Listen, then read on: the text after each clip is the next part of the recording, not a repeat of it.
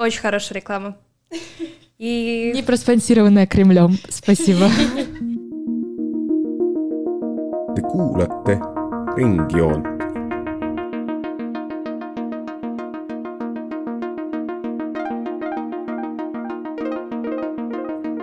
joon ringis.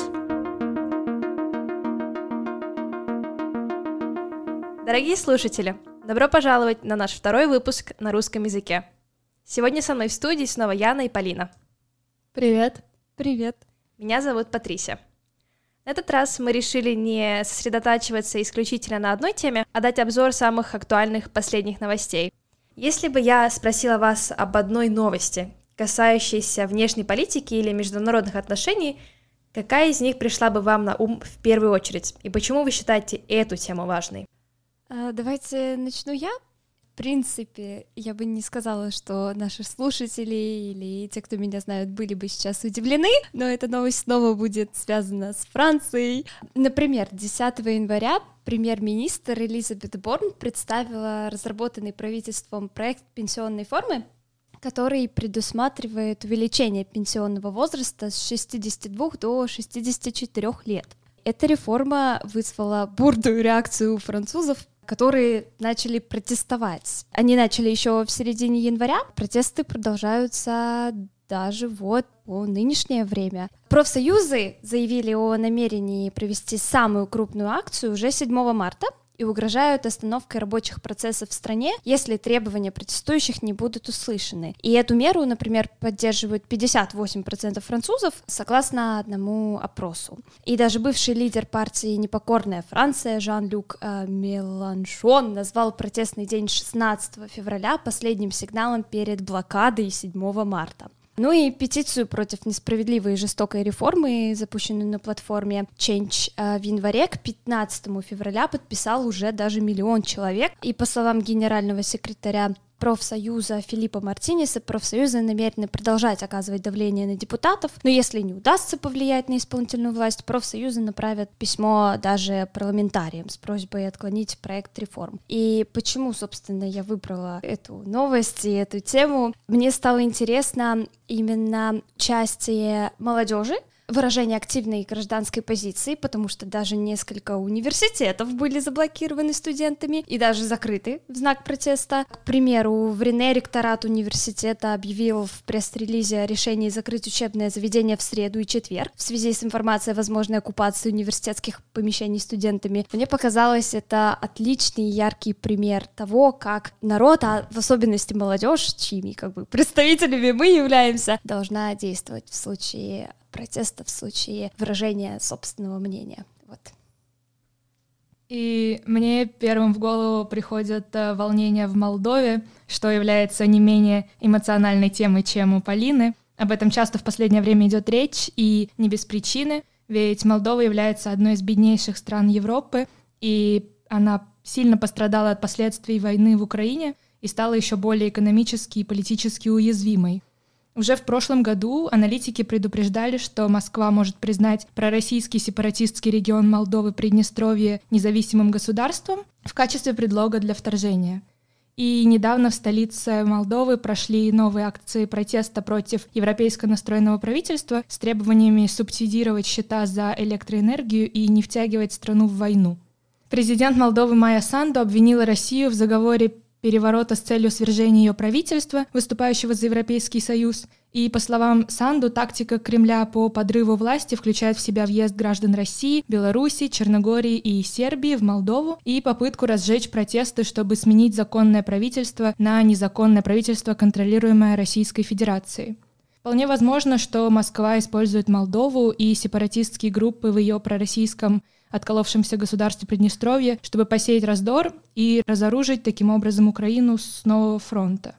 Мне кажется, эта тема заслуживает внимания, так как регион Восточной Европы, особенно Балканов, часто остается в тени, когда мы говорим о международных отношениях, но страны в этих регионах являются наиболее уязвимыми, так как у многих из них отсутствует какая-либо защита и поддержка со стороны международных организаций, а местное население раскалывается на прозападное и пророссийское.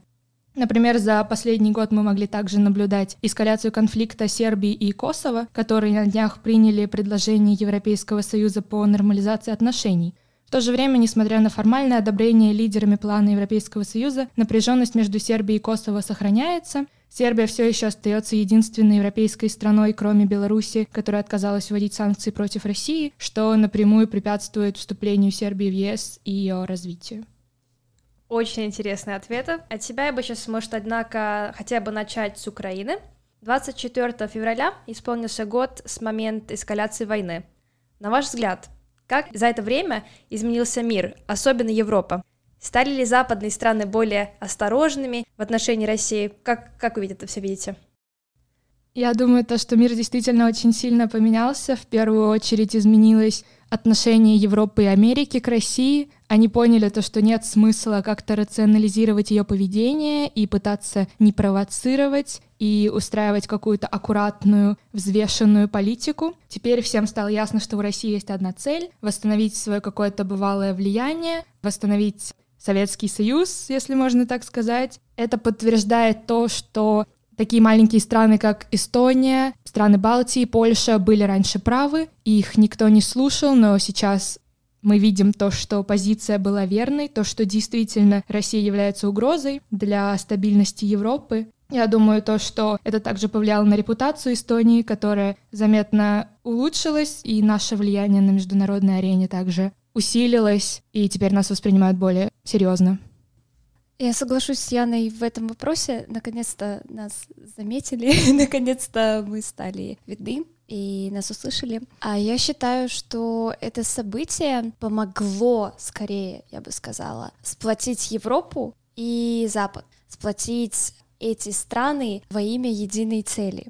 Потому что я по сути своей фаталист, и я считаю, что после белой полоски, которая наступила после Второй мировой войны, рано или поздно должна была начаться черная. Я не знаю, что будет дальше. Я хочу верить, что все э, наладится, и что все будет хорошо, и что это самый ужасный кошмар, который нас ожидает, и что ситуация не будет усугубляться, и можно рассмотреть это как некую черную полосу, но у нее есть свои плюсы мы, допустим, как страна осознали свои ценности, другие страны стали сплоченнее работать. У них развилось сотрудничество, они стали больше прислушиваться друг к другу, больше видеться, встречаться, больше обсуждать вещи. Поэтому я бы рассматривала эту ситуацию из какой-то положительной стороны, но мир точно не будет прежним. Да, я тоже бы согласилась с этим сентиментом Эстонии, потому что я думаю, что особенно интересно, какую платформу Эстония сумела обеспечить в разгар всего этого, что мнение лидеров, дипломатов и экспертов часто освещается в международной медии, и несмотря на то, что эти события ужасны,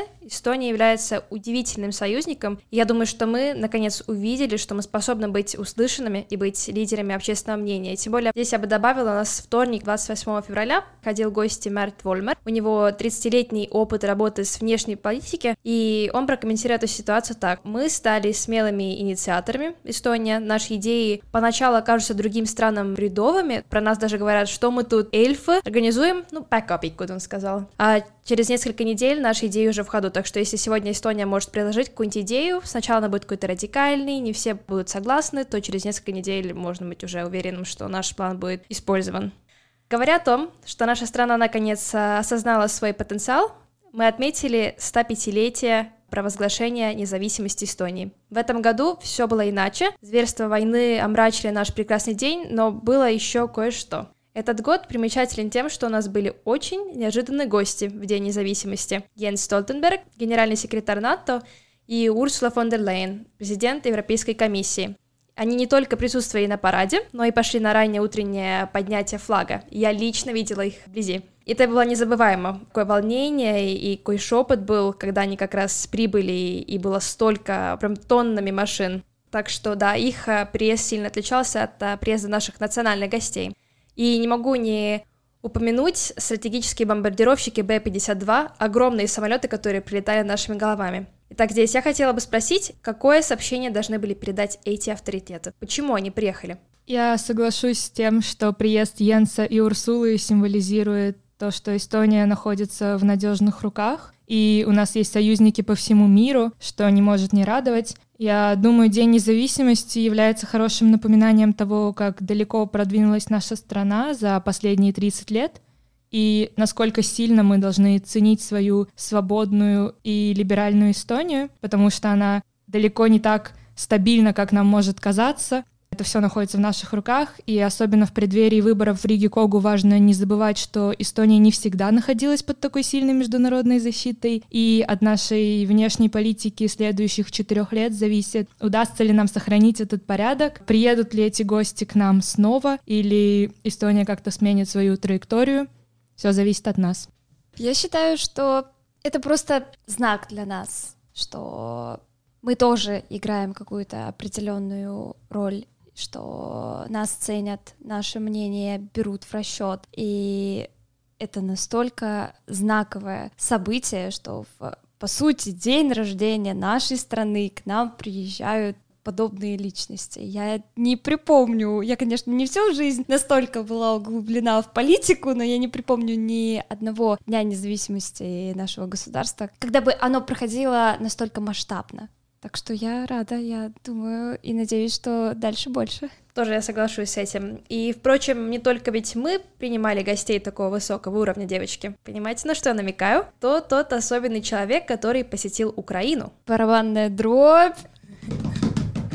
Джо Байден, да, даже местные жители признались, что его визит в Киев был приятным сюрпризом, потому что о его визите не было известно заранее. Более того, Белый дом неоднократно заявлял, что организовать его просто нереально, обеспечить безопасность президента в воюющей стране но это даже звучит страшно и как-то невозможно, что ли. Но, как отметил русскоязычный аккаунт Госдепартамента США, в третий понедельник февраля в США ежегодно отмечают День президента. А вот день, когда Байден приехал на Украину, это вообще поистине историческое событие. И сам Байден сказал, что он был тронут тем, как Украина объединилась как нация и встала на защиту своего государства. Киев завладел частью моего сердца, произнес он очень красиво. Он вспомнил даже ту темную ночь, когда Год назад российские войска начали вторжение в Украину. Как высказался Байден, год спустя Киев по-прежнему стоит. И Украина стоит и демократия. Да и разговор президентов Украины и США в Киеве прошел в максимально доверительной атмосфере. Состоялся исторический визит. Скажу так, оба президента довольны разговором. Атмосфера максимально доверительная и душевная, написал он на своей странице в Фейсбуке. Ян, ты можешь что-нибудь дополнить по этой теме? Да, я бы сказала то, что в начале войны очень много было критики в сторону США, что не было должной реакции на вторжение России в Украину, и то, что если бы с первого дня Америка оказывала Украине должную помощь, то, может быть, э, события развернулись бы иначе, но я думаю, то, что после приезда Байдена у него уже не будет возможности как-то отнекиваться от этих вопросов и задерживать с реакцией, и я думаю то, что это наложило на него какую-то хорошую ответственность в том плане то, что это символическое проявление поддержки, за которым теперь мы можем ожидать, что будет следовать действительная материальная поддержка и солидарность э, к Украине.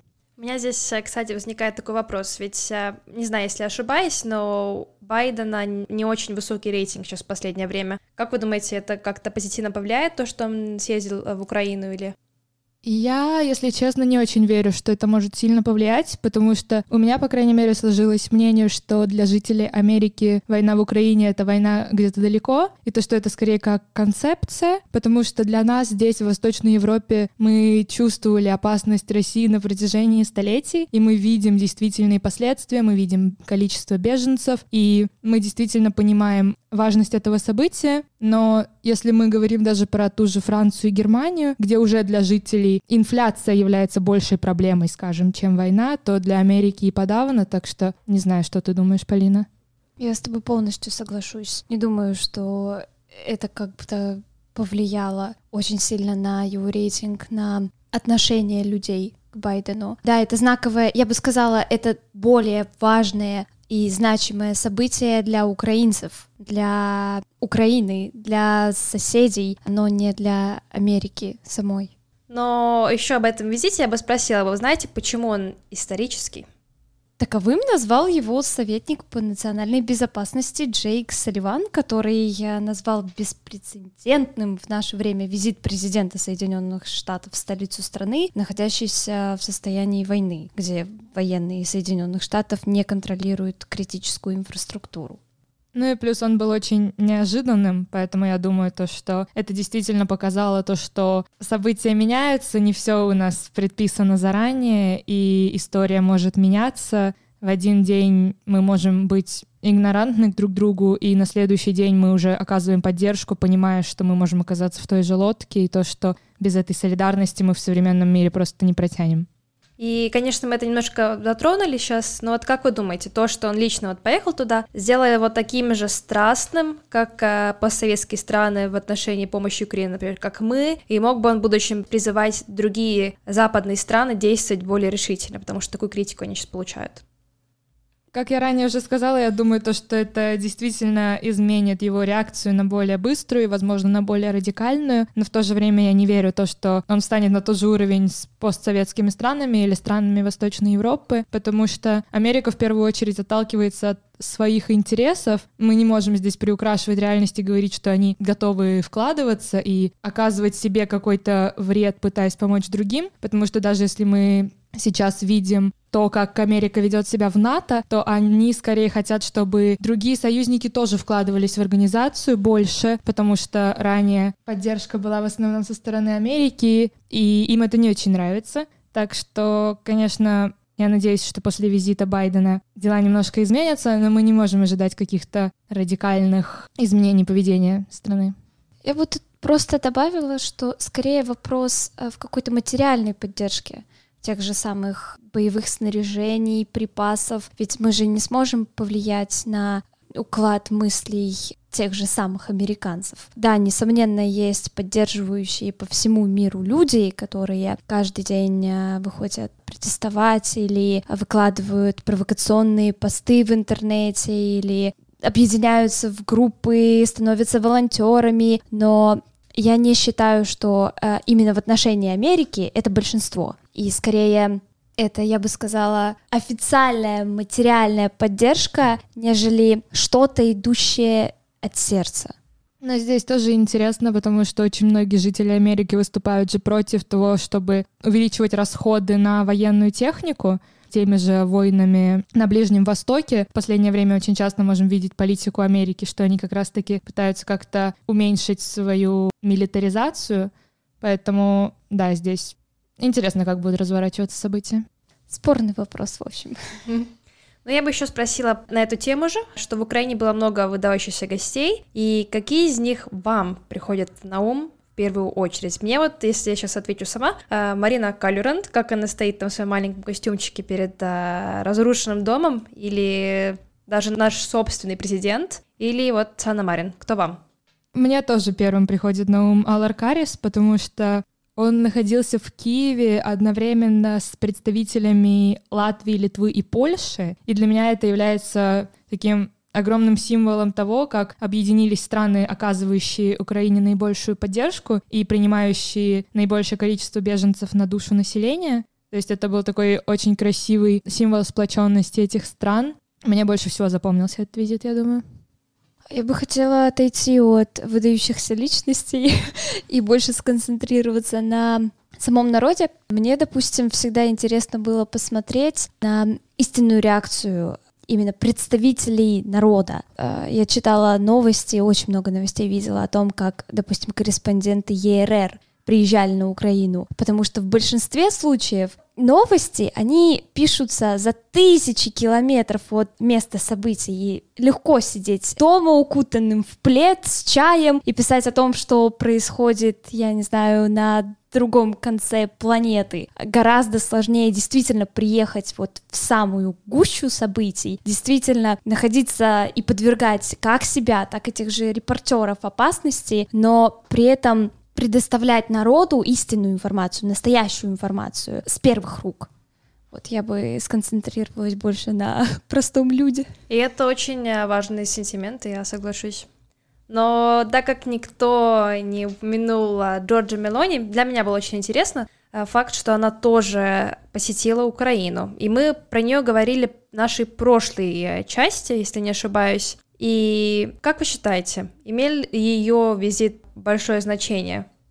Я бы не сказала то, что он имел особенно большое значение, но была небольшая интересная драма с вопросом Берлускони, который Джорджия Мелони перевела для Зеленского. И вопрос касался заявления бывшего премьер-министра Италии о том, что в войне виноват Зеленский, а не Путин. И Зеленский, в свою очередь, ответил, что Берлускони ни разу не приходилось собирать чемодан в три часа ночи и бежать из своего дома, потому что его бомбят. Я думаю, что этот ответ очень хорошо подтверждает то, что для многих война — это что-то далекое и нереалистичное, то, что не укладывается в голову, а для кого-то это то, чего ты не можешь избежать. Ты не можешь реагировать позже или как-то взвешивать свое решение, что ты будешь делать. Поэтому Несмотря на то, что после этого Берлускони начал отвечать, что в детстве тоже его там бомбили, мне кажется, это очень такие уже детские отмазки. Мне кажется, то, что может быть, вот этот один вопрос и ответ сделал из визита Мелони действительно что-то, что заслуживает внимания. Да, и тут у меня тоже возникает вопрос, так как из Эстонии столько людей уже ездило в Украину, наш президент, члены Европейского парламента. Как вы думаете, Кая Калас может быть следующий? Или даже если Байден ездил, почему она не съездит? Как вы считаете?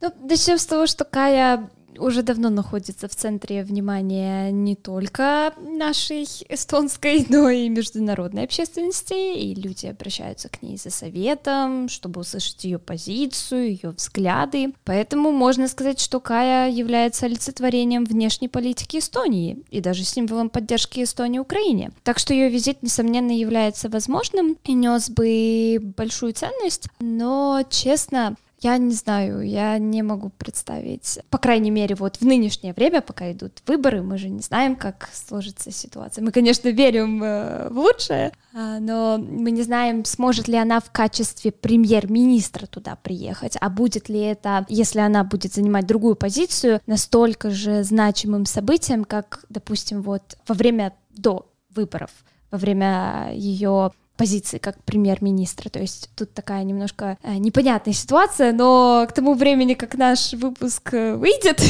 мы уже будем иметь более четкое представление. А, ну и в будущем посмотрим, кто знает, что там будет. Может быть, Мартин Хельме поедет в Украину с визитом. О, боже, можно не надо, пожалуйста. не ждет, я думаю. Но я все-таки, да, я думаю, что Каю сейчас ценят, я думаю, и даже если она не продолжит а, на позиции премьер-министра, то это хотя бы для Украины будет много значить. Я не знаю, как для эстонского народа, но хотя нет, я думаю, нам было немножко стыдно, если поехал кое-кто другой. Кстати, вот еще тут о последних новостях Украины, если читали, то Китай предложил Украине такой как мирный план, не знаю, если я перевожу правильно, и Зеленский даже планирует встречу с представителем Китая, с Си Джинпингом, и, девочки, вы знаете э, содержание этого мирного плана? Вы также скептически относитесь к этому, как и я? Да, я ознакомилась с новостью. Мне вообще было интересно, откуда Китай взялся.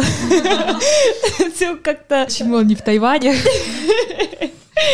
Да, а потом я ознакомилась с планом, и оказалось, что он Китай действует по своей старой схеме. Они держат нейтралитет, они а, не выступают ярко за окончание войны на Украине, но и при этом они не поддерживают ни одну из сторон, ни Украину, ни Россию, ни ни в большей, ни в меньшей степени. И план Китая, например, призывает к мирным переговорам и уважению национального суверенитета, но в этом документе из 12 пунктов конкретно не говорится, что Россия должна вывести свои войска из Украины, и в нем также осуждается использование односторонних санкций, что рассматривается как завуалированная критика союзников Украины на Западе. Ну и китайские власти до сих пор публично не отреагировали на призыв Зеленского провести саммит с тем же господином Си. И тем временем Россия также приветствовала китайские мирные предложения. Например, в заявлении Министерства иностранных дел в Москве говорится, мы разделяем взгляды Пекина.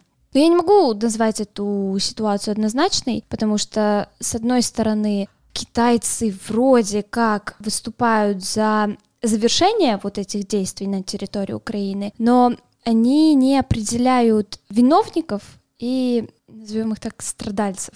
Поэтому Я ничего четкого сказать по этому поводу не могу, потому что э, ну, одни э, новости, новостные источники говорят, что Китай как будто бы встал на сторону России, хотя он хотел бы найти способ спасти президента Путина, заключив своего рода мирное соглашение, так говорит BBC по международным делам.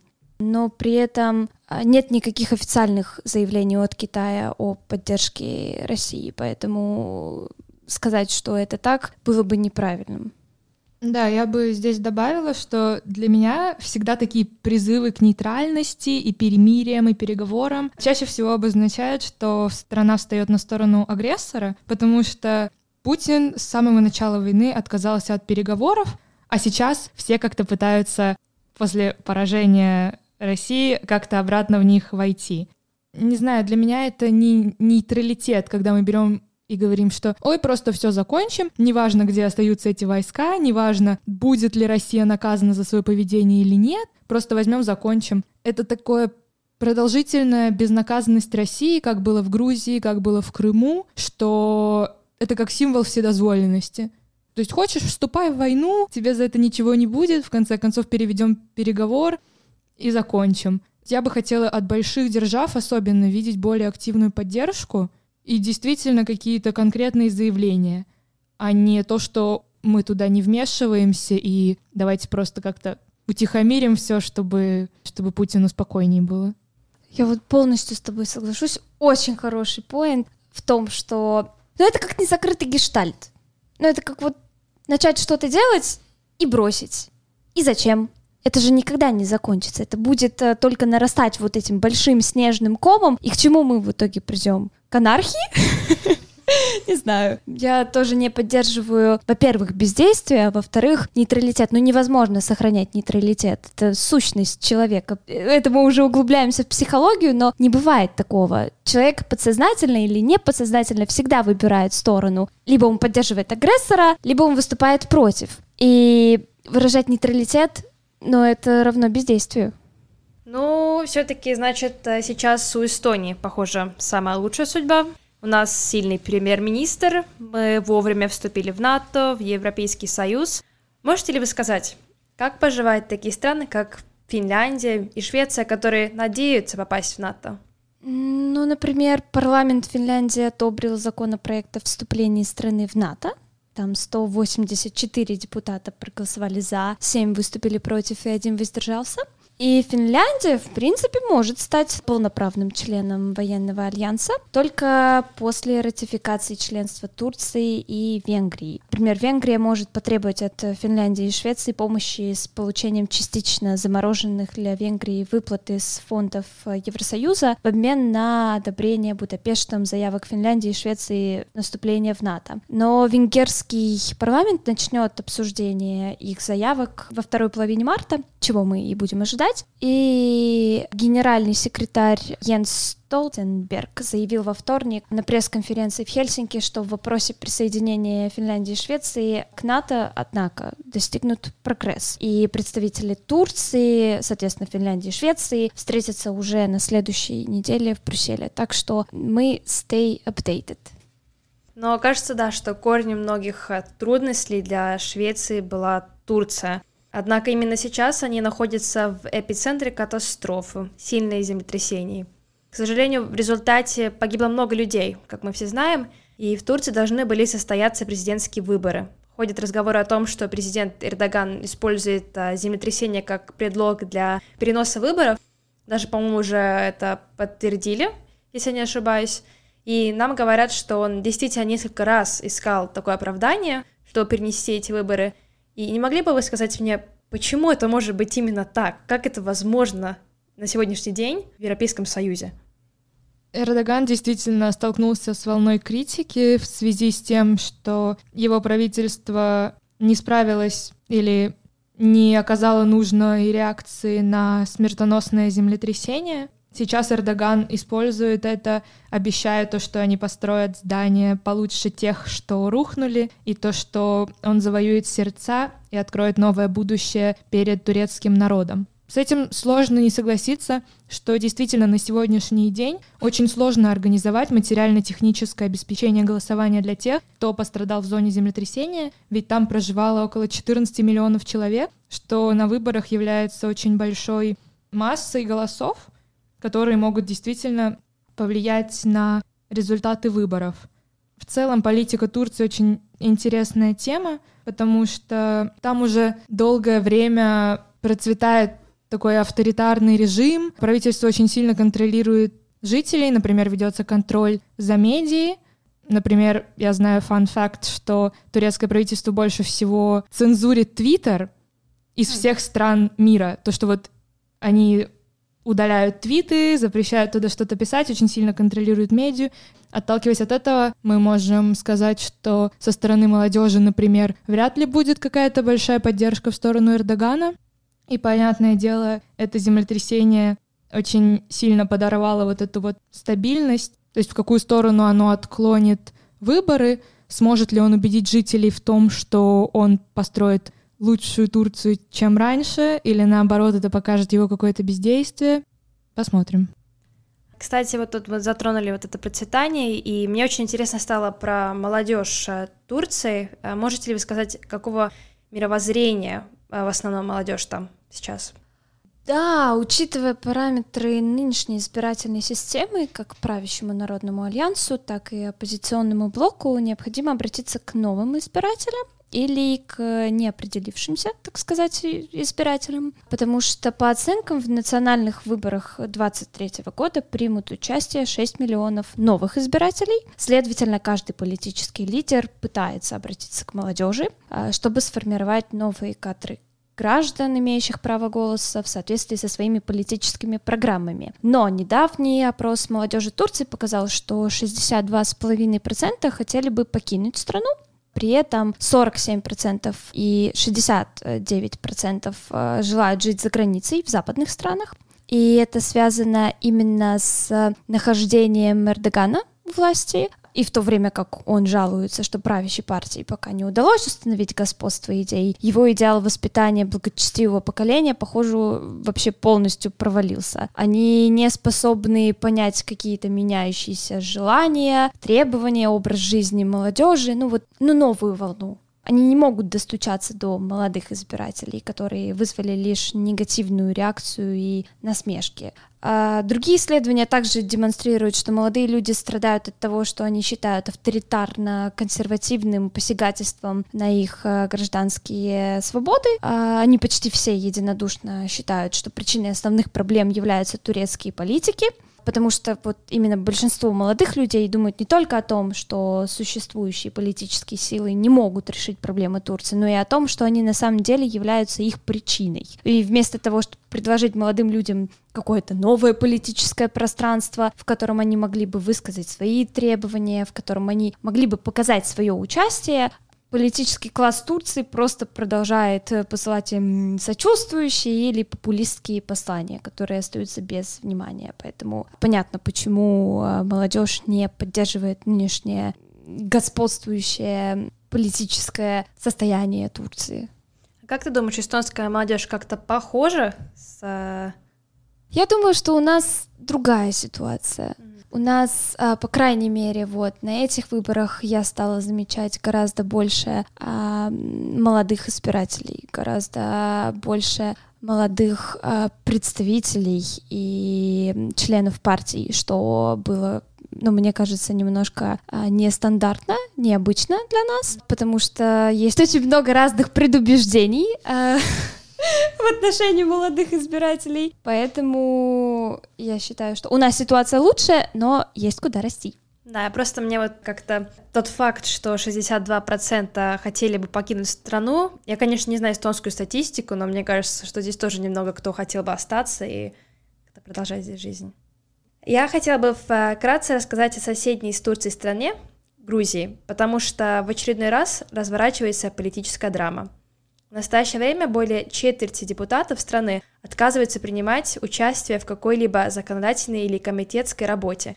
Это много для страны, которая когда-то ведь э, выделялась как островок демократии в очень сложном регионе. И это связано с тем, что бывший президент а, Михаил Саакашвили, осужденный в 2021 году, испытывает проблемы со здоровьем. И состояние здоровья Саакашвили резко ухудшилось на самом деле. И с начала заключения он потерял 46 килограммов, а, в основном за последние несколько месяцев. И группа международных врачей обнаружила в его крови следы мышьяка и ртути. И медицинские эксперты пришли к выводу, что если не будет оказана надлежащая медицинская помощь, его жизнь в опасности. И у бывшего президента есть только одна просьба, чтобы ему разрешили пройти лечение в Европе или в США. Это заявление поддержали президент Украины Зеленский и президент Молдовы Майя Санду, а также многие другие политики и правозащитные организации – а польское правительство заявило, что они даже готовы принять Саакашвили для лечения. Но, к сожалению, так судебная система Грузии отказала в удовлетворении этого запроса, решение, которое многие теперь считают как смертным приговором. Не могли бы вы немного рассказать о его приговоре? Почему он отбывает срок в тюрьме и почему его поддерживают в основном Украина и Молдова? Начнем с того, что Саакашвили был задержан в Грузии 1 октября в 2021 году, и он проходит по нескольким уголовным делам. Политика заочно осудили по делам об убийстве банкира Сандро Гиргвлиани и об избиении депутата Валерия Гелашвили. В первом случае Саакашвили приговорили к трем годам лишения свободы, а во втором — к шести. Кроме того, он является фигурантом дел о разгоне оппозиционного митинга 2007 года — о программе телекомпании «Имиди» и о растрате средств из госбюджета. Их пока рассматривают суды. Причиной, почему мы можем видеть такую поддержку со стороны Украины, Молдовы и Польши, может быть такой, что Саакашвили называет себя узником Путина он пишет э, в Фейсбуке, что судебное слушание оказалось сплошной шуткой, и суд поверил не группе ведущих международных врачей, а экспертам со стороны властей, которые, по его словам, не удосужились его даже увидеть. Поэтому это больше такой скандал оппозиции, который действительно имеет намного большее политическое влияние, чем может показаться в первую очередь. Я бы тут добавила, что, ну, если верить источником Саакашвили постоянно получает необходимую медицинскую помощь от современных и высококвалифицированных врачей, и некоторые называют его состояние причиной его личного отношения к своему здоровью. Он сам наносит себе вред, он сам, ну я просто читала Сам новости. пьет ртуть. А, он специально отказывается от каких-то продуктов. Я, конечно, не хочу вставать э, ни на чью сторону, но мне кажется, что он тоже играет тут какую-то роль и оказывает влияние на себя. Ну, какой адекватный человек э, будет ну, насильно отказываться от еды или... Навальный. Любая позиция, которая как-то противостоит а, правительству. Это все понятно. Но мы же все понимаем, зачем он это делает, чтобы выйти из тюрьмы. Посмотрим, это просто очень показательный пример, опять-таки, человеческих взаимоотношений и манипуляции. Так что будет интересно, что нас ждет дальше. И, кстати, мы еще в начале и потом еще немножко позже упомянули Молдову, страна, которая недавно заявила о намерении России свергнуть правительство Молдовы. Они не единственные, как мы выяснили. Пригожин искал сотрудничество с партией ЭКРО в Эстонии. Так что, похоже, Россия, России действовать на многих фронтах. Как вы думаете, почему Молдова была одной из э, их целей? И почему ЭКРО? Как было сказано ранее, Молдова — это бывшее советское государство, которое в последние годы укрепляет свои связи с Западом, получив статус кандидата в члены Европейского Союза в июне прошлого года, в один день с Украиной — и, понятное дело, это обескураживает Москву, которая считает Молдову сферой своего влияния, как и Украину и все другие бывшие советские государства. И так как Молдова не имеет защиты и поддержки со стороны международных организаций, а также у нее очень э, в плачевном состоянии находится экономика, то она является легкой целью. И я бы здесь от себя добавила, что для России не важно, сколько ресурсов есть у страны, насколько это улучшило бы какой-то российский военный потенциал, им важна именно территория, и они за счет вот таких вот э, оккупаций увеличивают свое какое-то былое величие советской России. Так что здесь аргумент о том, что «а зачем им Молдова?» не работают, мне кажется, для России вообще все равно, что оккупировать. А насчет Экре это очень интересная ситуация, потому что Экро, в принципе, является же очень националистической и проэстонской партией. И на первый взгляд их связи с Кремлем кажутся просто невозможными. Но если мы посмотрим с другой стороны, то большинство ценностей, за которые выступает партия, на самом деле совпадают с ценностями российского правительства. В первую очередь это скептицизм в отношении Европейского Союза и НАТО, постоянные высказывания о том, что Эстония сейчас не независима, потому что мы входим в эти организации. Также консерватизм, традиционализм, нежелание связывать Эстонию с европейскими ценностями и как-то двигаться вперед, говорить, что раньше было лучше. И в речах членов ЭКРО мы часто можем услышать про российские заявления и открытое нежелание поддерживать Украину в войне, прикрывая это тем, что это не наша война, и очень часто мы можем слышать аргументы, что вот инфляция, вот у людей нет денег, а деньги идут в Украину, как так можно? Да, очень такие спорные высказывания. И Экро также славится своим огромным бюджетом, который идет на рекламы, на контроль медий. И мы не можем отрицать, что это не может быть связано с кремлевскими деньгами. Очень часто об этом тоже идет разговор, что они как-то проплачены со стороны России. Очень интересная тема. Ну а больше об этом и об анализе Экры вы сможете узнать, прочитав статью Яны в Политика Лавр от Риги Теадустесельца. Очень хорошая реклама. И... Не проспонсированная Кремлем. Спасибо. Э, так что, надеюсь, э, те, кто будет слушать понедельник, уже знают, какая будет э, судьба Эстонии. Будем ли мы хорошим партнером для Пригожина в будущем или нет. Надеемся, что Европейский Союз а, продолжит выступать единым фронтом. Нам определенно нужно проделать некоторую работу, чтобы искоренить проблемы безопасности, такие как партии, которые искушают а, нашего опасного соседа. Напоследок хотелось бы спросить. Сейчас мы записываем вот а, этот выпуск в четверг, избирательной недели. Результаты выборов, вероятно, будут объявлены в понедельник. Каким будут новые Ригикуку, новые правительства? Каким могут быть будущие внешнеполитические позиции и шаги нашей страны? Если сейчас смотреть статистику, то у нас очень 50 на 50 ситуация. Какая коалиция может сформироваться, поэтому очень все нервничаем. Без этого никак. Я очень надеюсь, что нам удастся сохранить открытую и либеральную Эстонию, и то, что наша внешняя политика будет двигаться в сторону того, что мы будем сотрудничать с государствами, а не внедрять популизм и говорить, что все против нас, а мы против всех. Так что, да, скрещиваем пальцы, молимся, надеемся. И самое главное, голосуем все. Я всех призываю. Правда, это уже поздно будет, когда подкаст выйдет. Ну, ладно. ну скоро будут выборы. Кухарик Омавалицус. Да. Так что будем готовы. И спасибо, что вы слушали. До следующего раза. Пока. Пока.